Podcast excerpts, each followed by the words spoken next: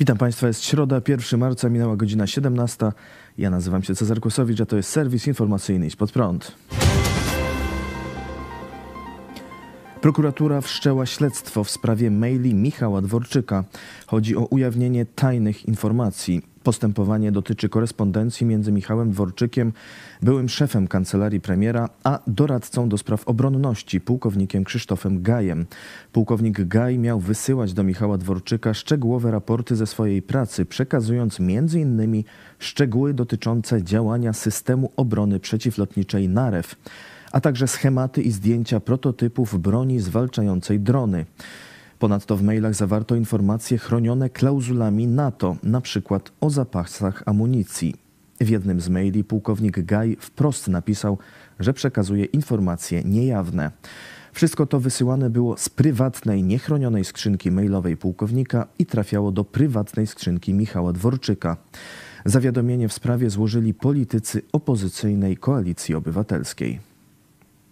E, kilkanaście miesięcy temu e, razem z panem posłem złożyliśmy e, kilka zawiadomień do prokuratury w sprawie maili Dworczyka oraz pana pułkownika Gaja, który był doradcą pana ministra Dworczyka do spraw obronności kraju w kancelarii prezesa Rady Ministrów.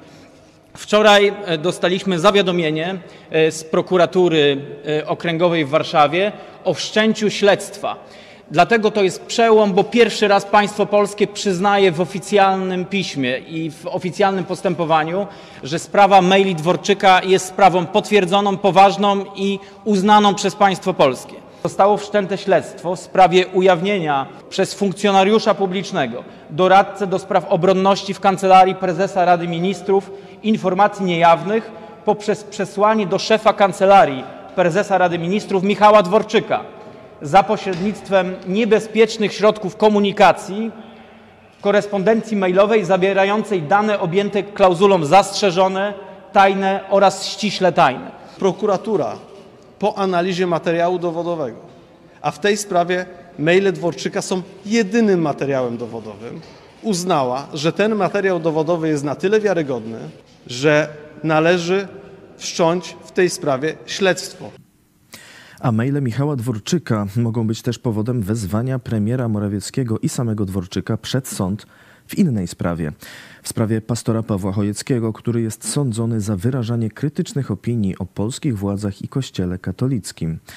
Pastor złożył wniosek o powołanie na świadków Mateusza Morawieckiego i Michała Dworczyka. Stało się to po tym, jak ujawniono maila Michała maile Michała Dworczyka, z których wynika, że Mateusz Morawiecki i jego współpracownicy organizowali dotacje dla narodowców związanych z Marszem Niepodległości i Robertem Bąkiewiczem w zamian za poparcie polityczne i zwalczanie przeciwników politycznych PiS.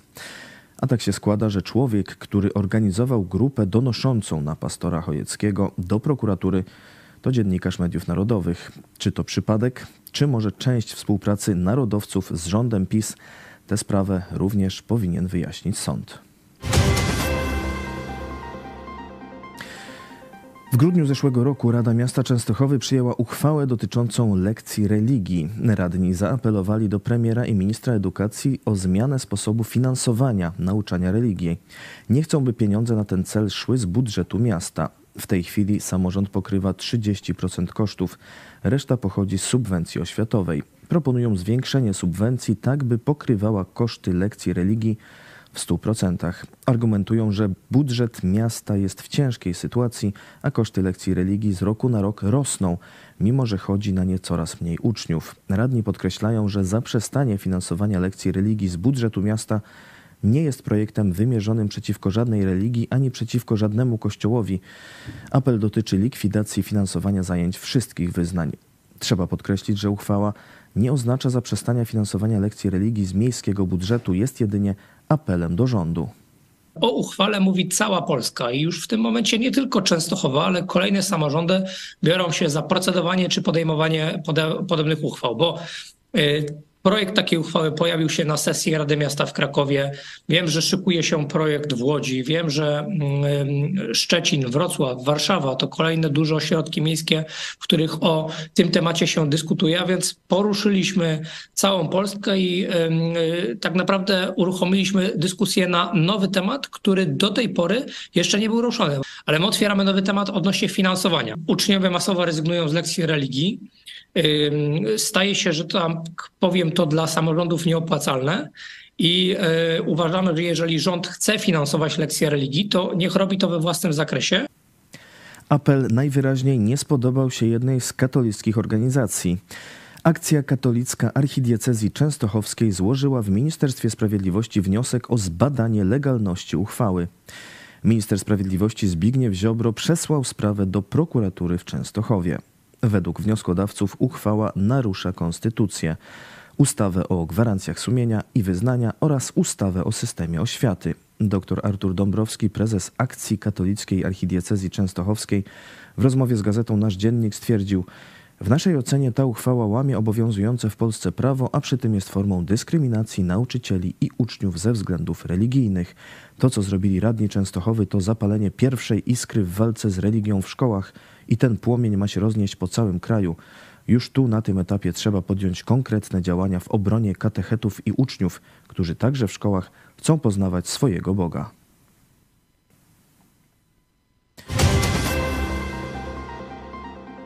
Były minister spędzi co najmniej trzy miesiące w areszcie. Sąd zdecydował, że były minister skarbu i były prezes warszawskiego przedsiębiorstwa oczyszczania Włodzimierz Karpiński trafi na 90 dni do aresztu.